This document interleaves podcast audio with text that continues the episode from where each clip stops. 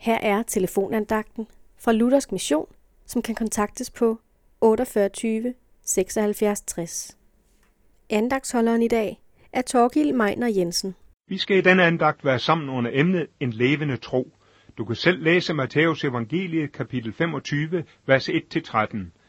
Vi møder her ti brudepiger, som venter på festtoget med brudgommen. Set fra en ydre betragtning er alle velklædte, ens, og de venter alle spændt. Hvem er det, Jesus vil vise os her? Jeg tror, det er den bekendende menighed.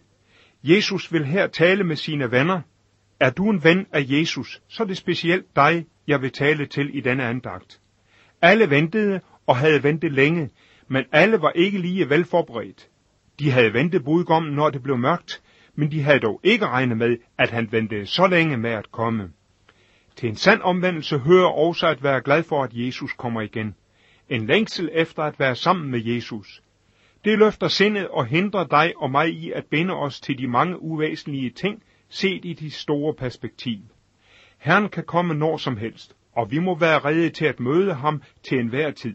Men ventetiden kan blive lang, og vantroen godter sig over, at ingenting sker.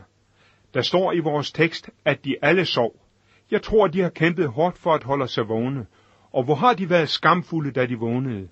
Men for fem af brudepigerne var det ikke skæbne svangert. De havde den nødvendige olie med sig. Giv os lidt af jeres olie, spørger de fem øvrige, men det går desværre ikke. Kristenlivets indre kvaliteter kan ikke overføres til andre. Du kan ikke leve på andres tro, der hvor du skulle have haft din egen. Billetten til himlen, adgangen til brylluppet er udstedt på dit personlige navn.